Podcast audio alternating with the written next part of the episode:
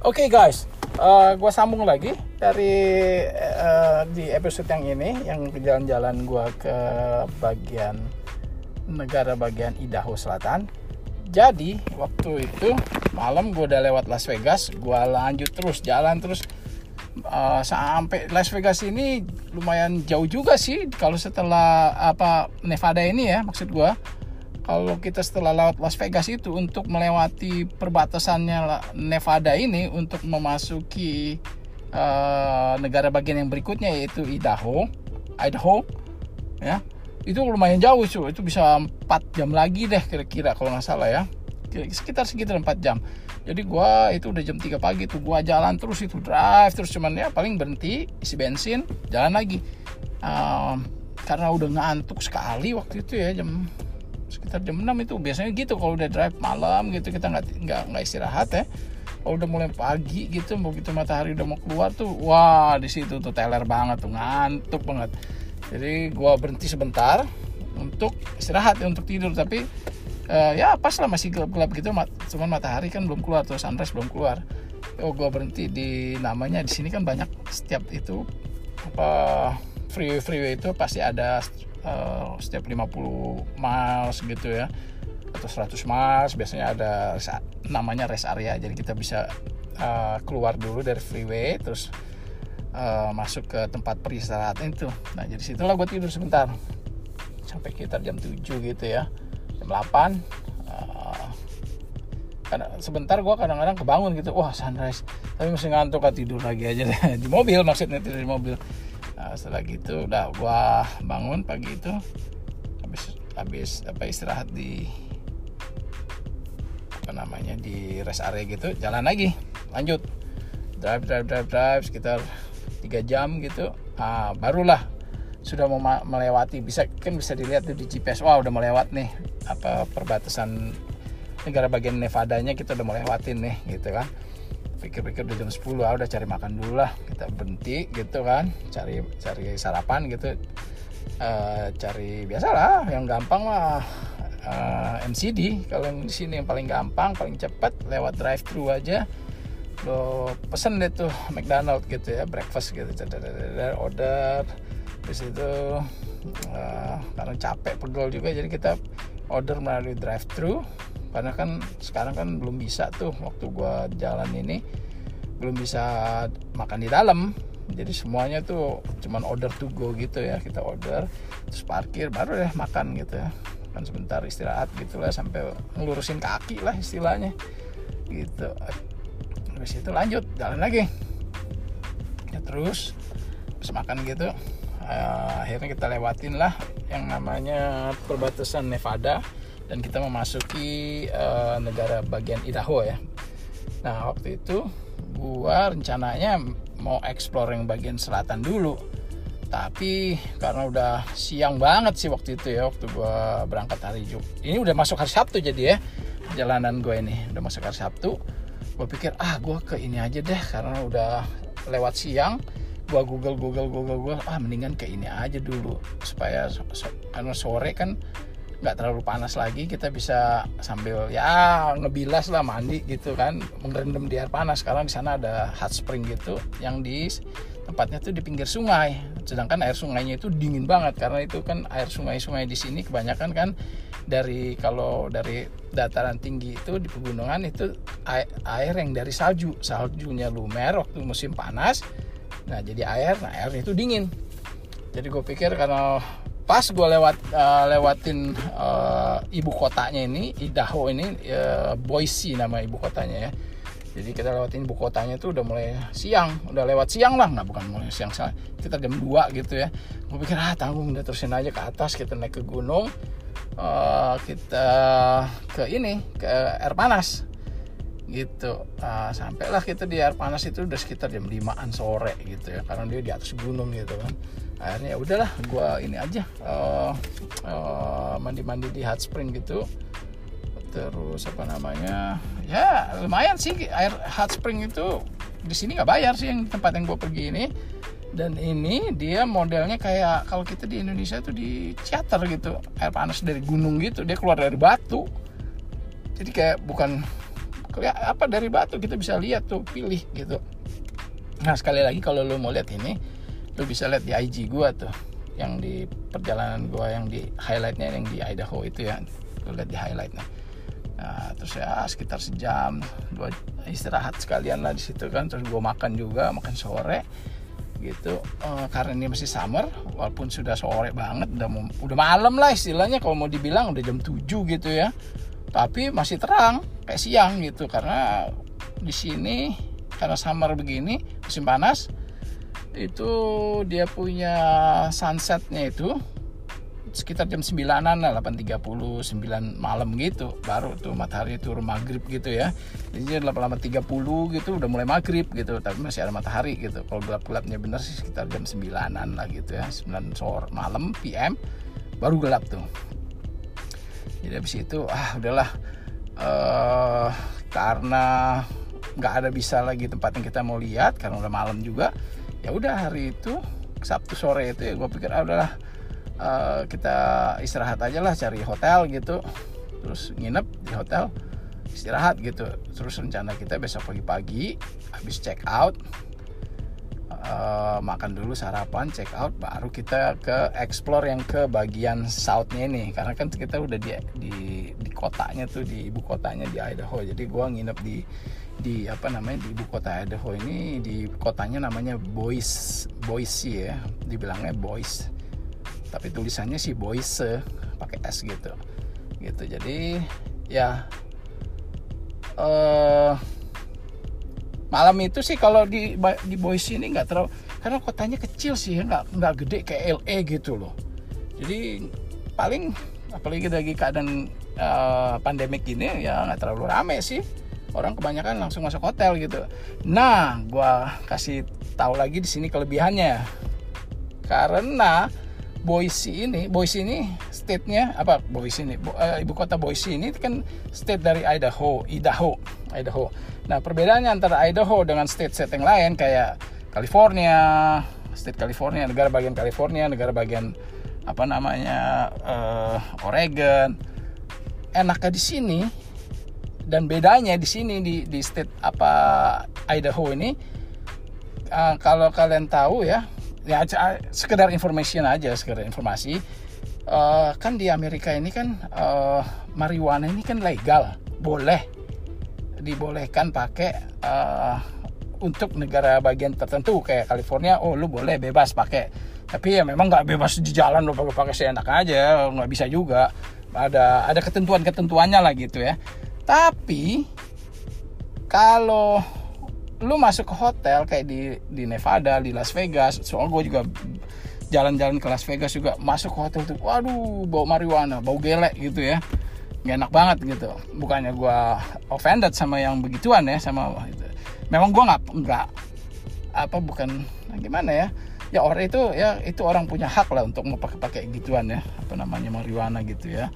Cuman ya itulah ke kekurangan dan kelebihannya jadi kelebihannya waktu gue ke state uh, Idaho ini di marijuana di sini kan ilegal, maksudnya dilarang, nggak boleh.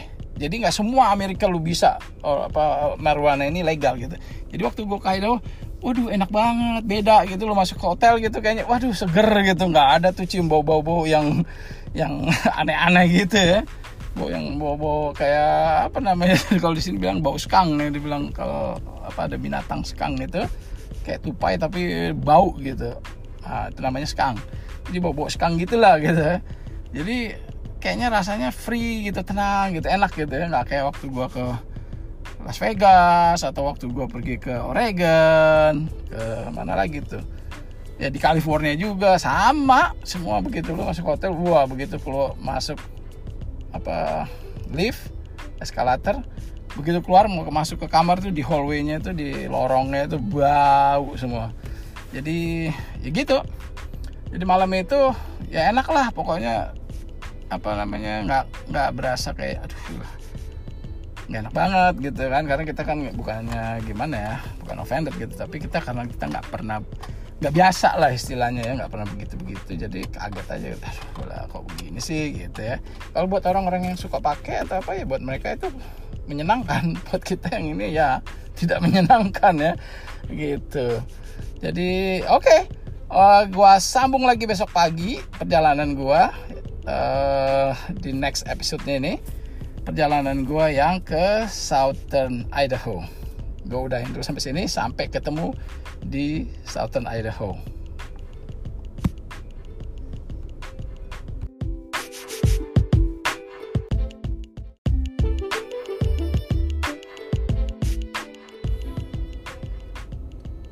Guys, guys, guys, ketemu lagi sama gue di sini Mamang lo, jalan-jalan sama Mamang lo.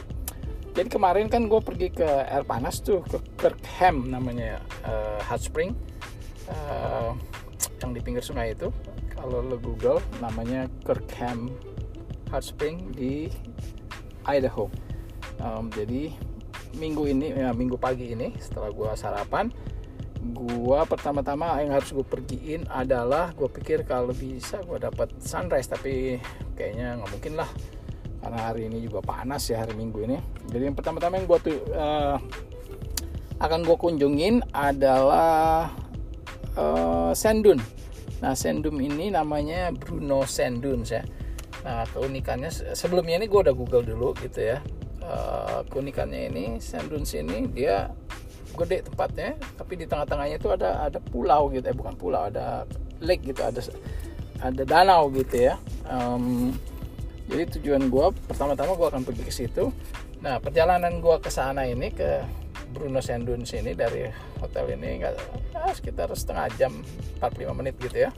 Nggak jauh nggak terlalu jauh. Nah setelah check out gue perjalanan sana nah melewati pinggir sungai ini jadi perjalanan menuju ke situ kita lewat pinggir sungai ada sungai namanya Snake River. Nah Snake River ini gede sungai enggak tapi nggak gede-gede banget kayak Mississippi gitu ya. Cuman Snake River ini salah satu uh, river sungai yang terkenal di uh, cukup terkenal di Idaho ya salah satunya itu. Populer gitu karena uh, panjang sekali river ini sungai ini Snake River ini. Dan melewati beberapa dam-dam gitu ya apa uh, di airnya itu dibikin dam gitu dicegah gitu. Jadi pagi itu gue pergi dulu ke situ uh, ke Bruno Sendun. Uh, tempatnya bagus loh. Itu waktu itu gue pagi uh, pagi-pagi situ belum terlalu banyak orang cuman ada dua tiga mobil gitu jadi belum rame. Uh, kebanyakan yang ke situ gue lihat yang yang udah duluan itu anak-anak sih karena masih pagi jadi belum panas. Mereka itu main ini apa prosotan gitu.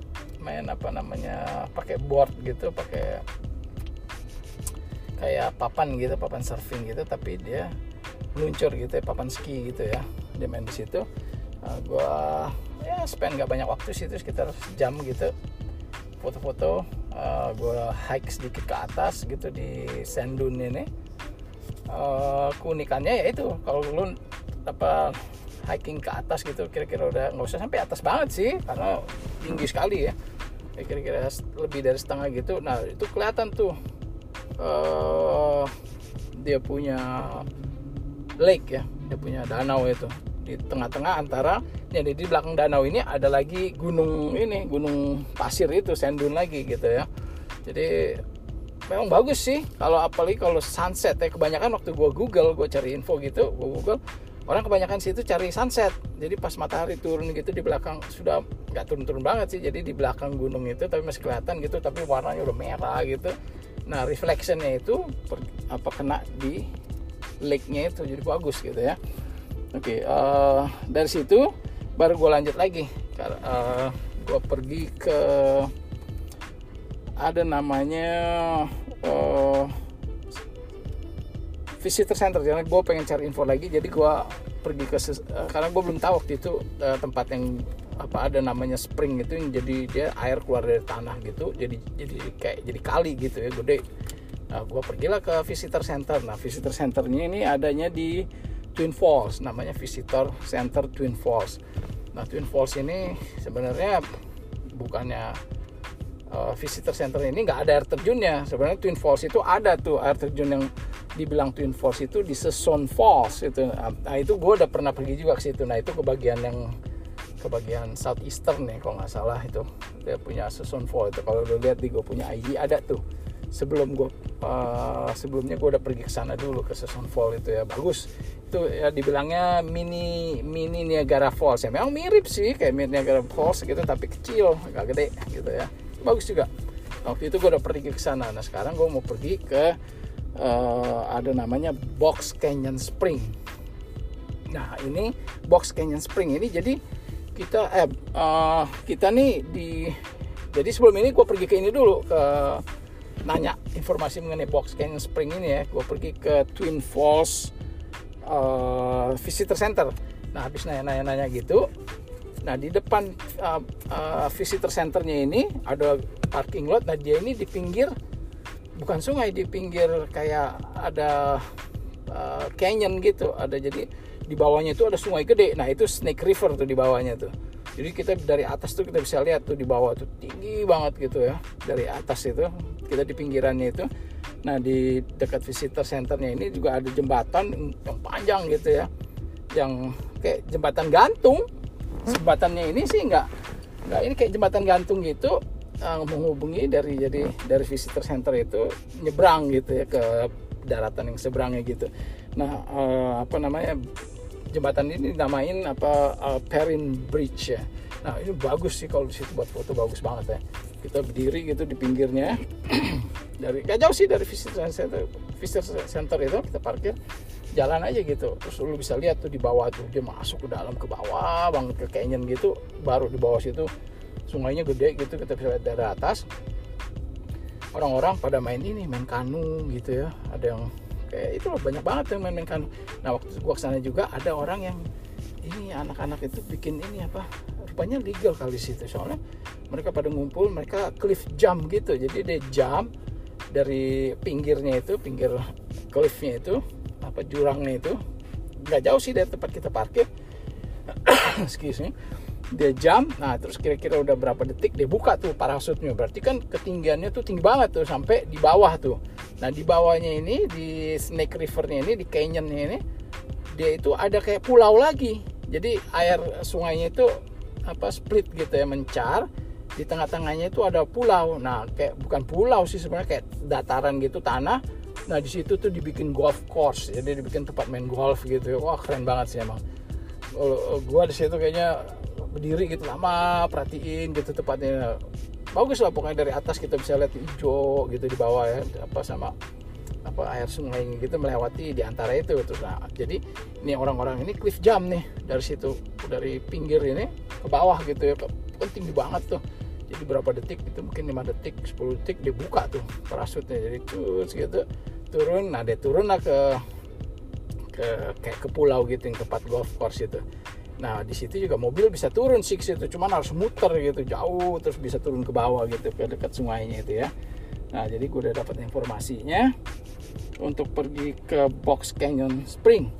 Nah itu gak jauh dari situ sekitar 20 menit ya dari dari visitor center ini ya ke situ. Namanya Box Canyon uh, State Park. Nah jadi dari sini gue jalan. Nah untuk ke Box Canyon ini state park ini kita harus turun ke bawah itu untuk apa sampai ke ininya ke ke, ke sungainya. Bukan sungai sih itu ke springnya itu ya. Jadi kalau dari atas kita begitu sampai tuh wah lumayan sih hikingnya. Capek juga sih sekitar 3 mile sih ke bawah ya turun. Nah waktu itu dari atas gue udah bisa lihat oh di sini rupanya. Jadi kayak ada kayak ada apa tampungan bukan tampungan air sih. Jadi semacam uh, danau kecil di bawah itu.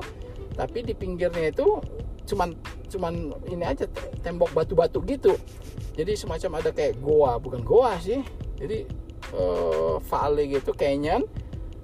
Uh, nggak nggak ada awal sungainya itu nggak ada.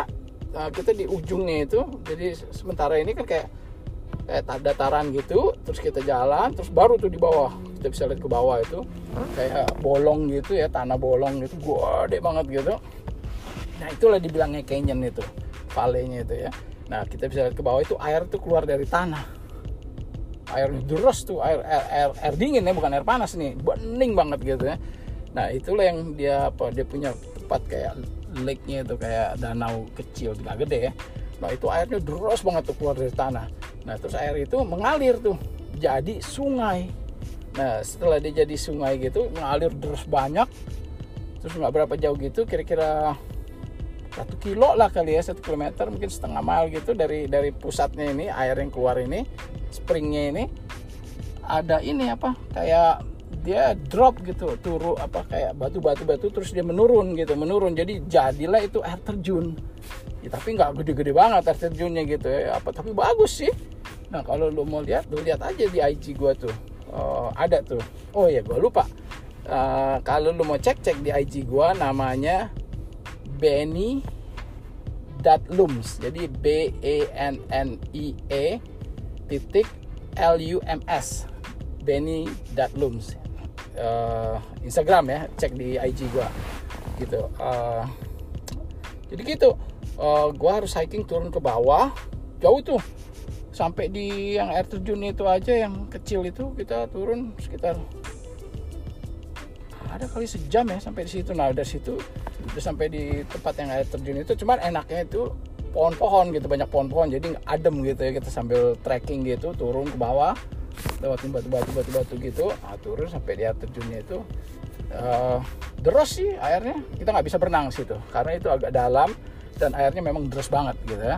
Nah terus gue lihat juga orang pada banyak sing turun gitu ya. Dia terusin tuh. Dia nyebrang sungainya itu memang ada disediain kayak pad gitu jalan untuk nyebrangin sungainya itu. Uh, kalinya kecil sih nggak gede gitu. Sekitar mungkin 10 meter lah lebarnya gitu ya. Kita nyebrang nah, terus jalanin lagi sampai di ujungnya itu. Nah ternyata gue ngikutin orang aja gue nggak tahu ada apa di ujung gitu. Karena gue apa nggak nggak cari informasi benar. Gue pengen cuman oh gimana cara sampai di tempat ini? Baik gitu aja waktu gue ke visitor center kan. Jadi gitu gue ikutin orang aja terus terus terus, terus rupanya. Uh, sungai ini air ini sampai di ujung itu ada semacam danau lagi gede banget danau. Jadi orang pada berenang di situ rupanya main-main apa main kanu gitu ya di situ. Terus apa namanya ya banyak anak-anak muda itu mereka berenang situ. Airnya dingin banget itu kayak es cuman karena panas sekali ya orang pada berendam aja sih. Berenang gitu mandi gitu. Nah air uh, airnya ini rupanya gue rasa sih kalau gue lihat dibikin kayak gorong-gorong gitu di ujungnya dibikin gorong-gorong sama pemerintah gitu bisa mungkin airnya disalurin buat ke pengairan kayak pertanian gitu. Cuman gue bisa lihat sih gorong-gorong ini air ke mana gitu ya. Airnya tuh bening banget itu. Kayak kayak lu tahu kan kayak apa namanya bukan sumur sih pokoknya kayak bening banget lah pokoknya lu bisa lihat dasarnya airnya juga nggak butek atau apa kayak air minum aja bening sekali gitu. Jadi ya gitu siang-siang itu gue sempat berendam juga waduh asik banget ya air kayak air es gitu ya panas di luar panas nyengat gitu langsung nyemplung gitu ke air waduh enak sedep apa seger gitu rasanya ya gitu. Uh, lanjutnya ya gitu uh, kita spend time di situ sekitar 2-3 jam lah kali. Pikir ah udah nggak ada tempat lagi yang mau dikunjungin dikunjungin lagi. Ya udahlah di sini aja lah kita ngabisin waktu gitu ya. Uh, akhirnya ya udah sampai sore lah situ sebelum kita balik uh, keluar dari Idaho gini ya. Jadi kita harus hiking lagi naik ke atas. Dari bawah itu kita harus naik uh, kayak batu-batu gitu hiking sampai di tempat parkiran mobil. Nah itu jaraknya lumayan cukup jauh sih. Capek juga naik ke atas itu. Banyak orang yang nggak kuat ya teler juga ada berhenti dulu minum dulu gitu kan. Ya, lumayan sih. Uh, ada lebih satu setengah jam satu empat puluh lima menit lah untuk naik dari tempat yang kita kunjungan yang terakhir itu di ujung sungai itu sampai ke parkiran mobil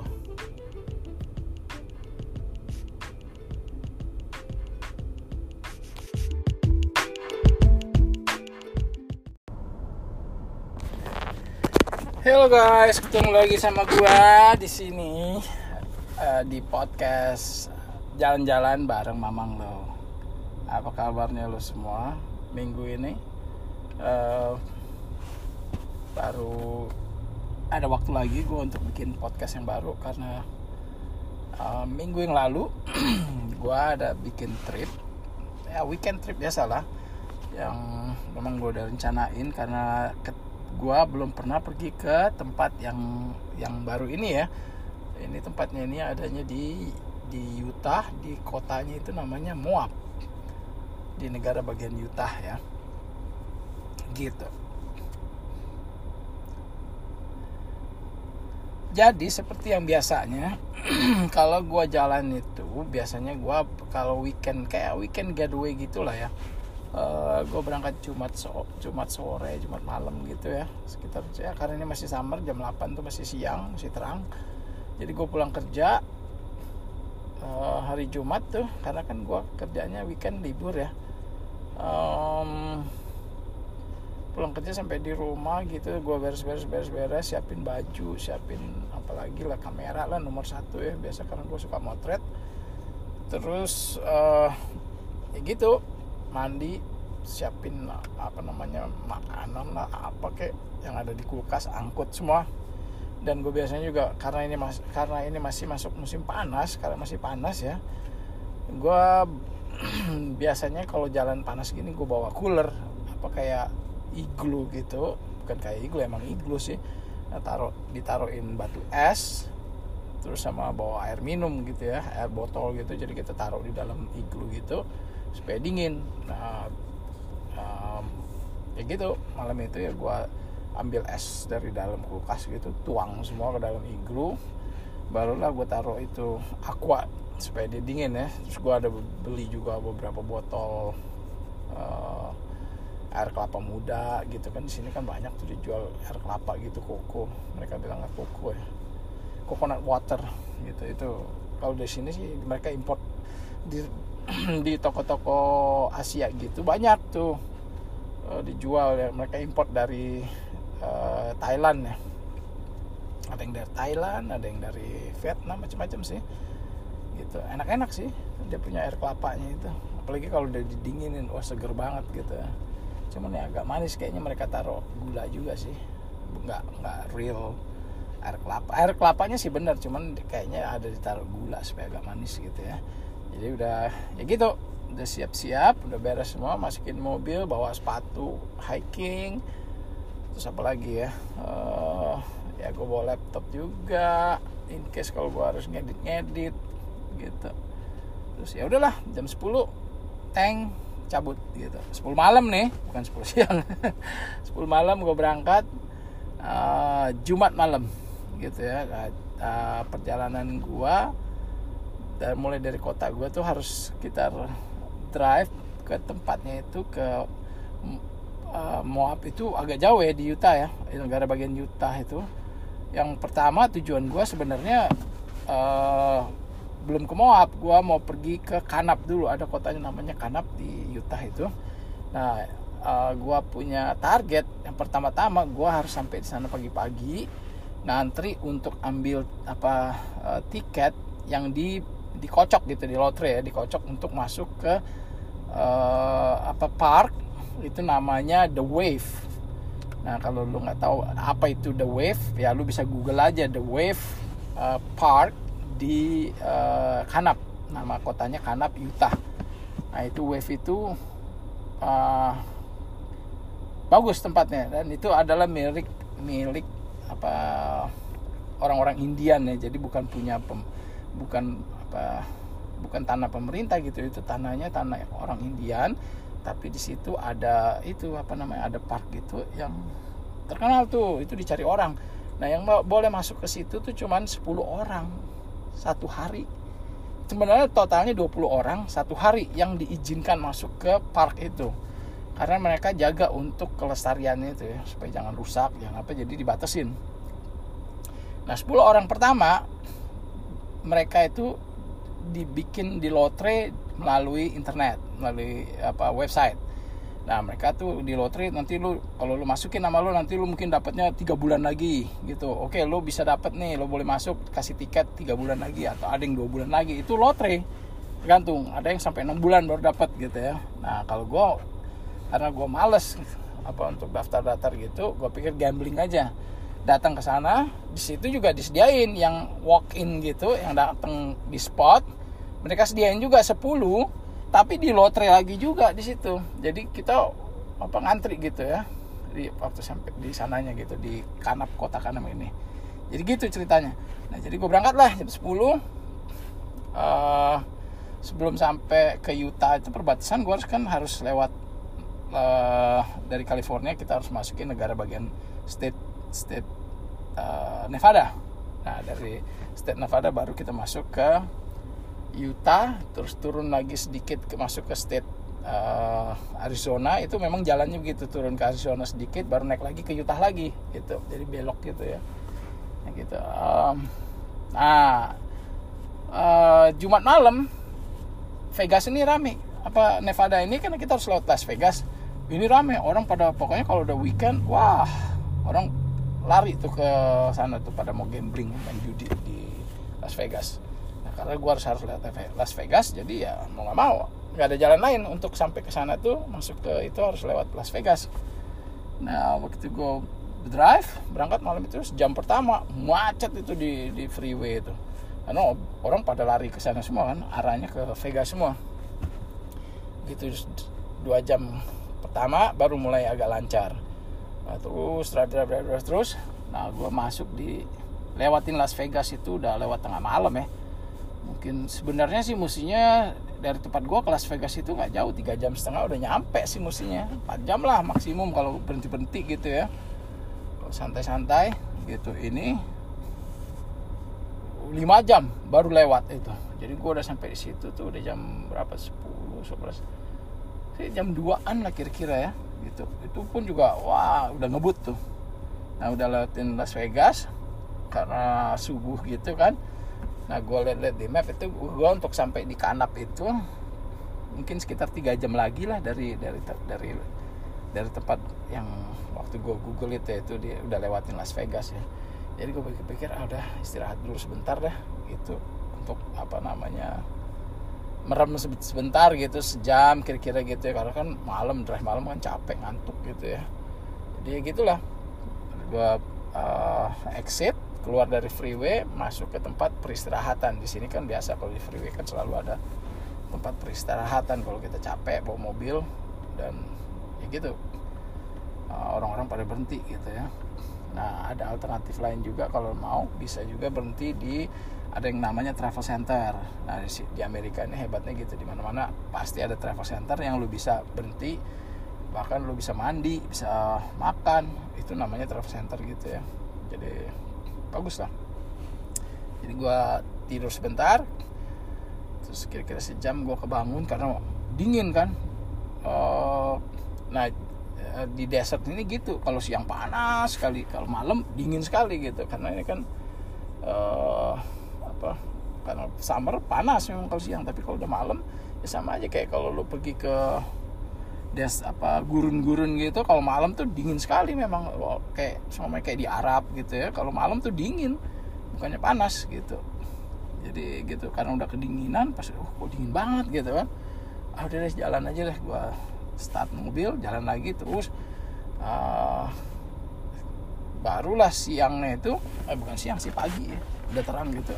Lewat lewatin apa untuk menuju ke Utah ini ke Kanap ini kita lewat lewatin kayak valley gitu kayak apa hmm, ya namanya valley yang di kiri kanannya tuh jurang batu-batu gede gitu batu-batu merah gitu. Bagus sih kalau buat itu namanya kayak pemandangan lah gitu pemandangannya bagus gitu ya. Nah lanjut. Buat drive drive drive drive drive. Kira-kira jam 9 ya hampir jam 9 sampailah gue di Kanap jadi begitu ini wah gila jam 9 nih. Mereka buka juga jam 9 kan untuk lotrinya itu kan. Nah begitu sampai sana, udah sampai di kotanya, gue harus nyari dulu nih tempatnya di mana ini, apa yang untuk bikin lotrenya ini kan kita harus daftarnya ini, karena mereka cuma bilang oh lu harus gini gini gini, apa lotre ya segala macam. Akhirnya gue pergilah ke apa namanya ke information center gitu. Nah pergilah ke di kotanya itu information center dikasih dikasih tahu oh lo harus pergi ke gedung di sini convention center. Dia bilang convention center itu ada lagi agak apa di agak jauh lah dari situ nggak terlalu jauh banget sih. Terus ya mungkin lima menit lah dari situ. Cuman jalannya belok-belok gitu kan nggak tahu kan nyari lagi nah akhirnya dari situ gue buru-buru langsung ke convention center center. Begitu gue jalan set belok kan dia adanya di belakang tuh bukan dari depan. Convention center pintu masuknya itu dari belakang yang orang-orang mau daftar ini kan. Gue dari depan gue puter ser, begitu ke belakang gue liat parking lot penuh. Gila ini orang mungkin ada ratusan kali orang yang mau daftar gitu di situ ya. Gue bilang what the heck gila rame banget gue bilang gitu kan. Akhirnya ah, ah kita nggak tahu. Namanya juga lotre kan untung-untungan. Akhirnya gue parkir aja parkir gue liat orang udah ngantri nih. Tapi gue liat uh, pas gue parkir gue liat wih rame amat orang ngantri kan. Gitu ngantri-ngantri gue turun buru-buru gue masuk ke dalam.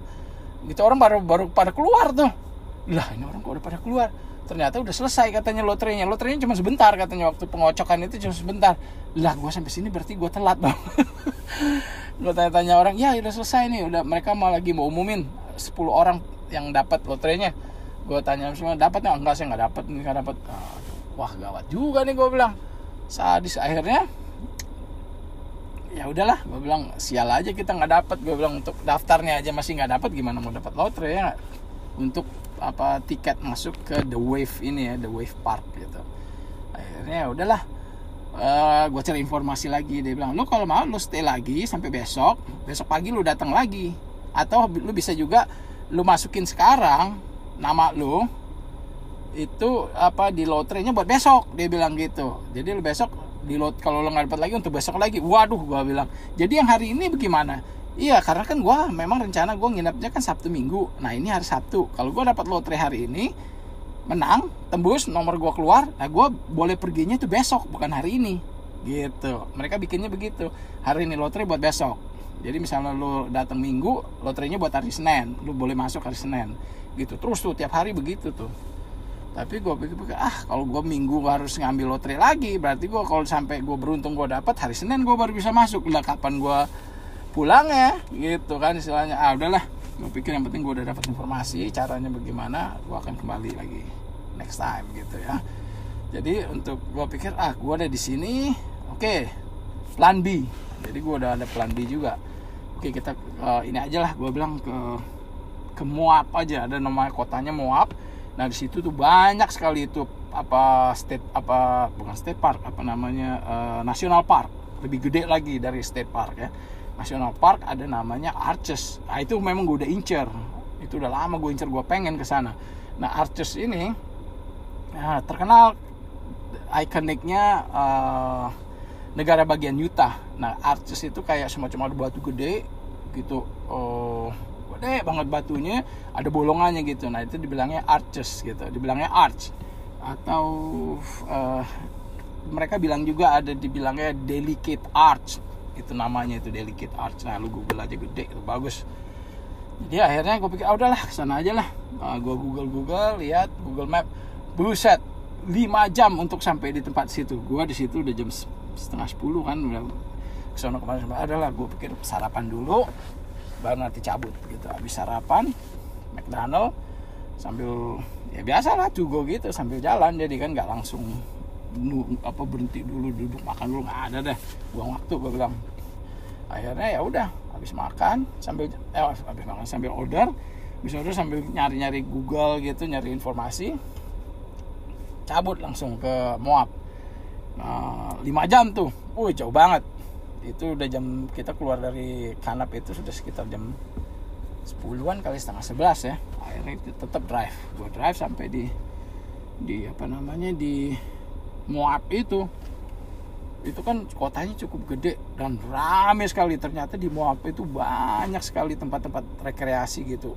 Dan situ memang tempatnya untuk orang-orang yang suka off road gitu yang drive drive four wheel drive gitu. Wah itu tempatnya memang semua dan pada waktu itu gue ke situ tuh lagi ada event yang apa namanya mountain biking gitu. Jadi ramai sekali orang main-main sepeda gitu mainin mountain bike gitu ya. Macet di mana-mana. Akhirnya ya udah. Nah tujuan gue kan pertama ya situ ke Arches itu. Nah gue sampai situ udah sekitar jam 3an lah kalau nggak salah ya. Tiga atau empat gitu. Udah sore. Uh, masuk ke parknya sampai di tempat tujuannya gue lihat wah hiking nih sekitar 3 miles ya kalau nggak salah. Cuman 3 miles bukan rata dia naik tuh nanjak. Wah ini bakal lebih lama lagi. Akhirnya udah pakai sepatu hiking beres-beres bawa backpack masukin air bawa makanan in case kan persiapan mulai hiking. Nah hiking pertama sih jam pertama sih.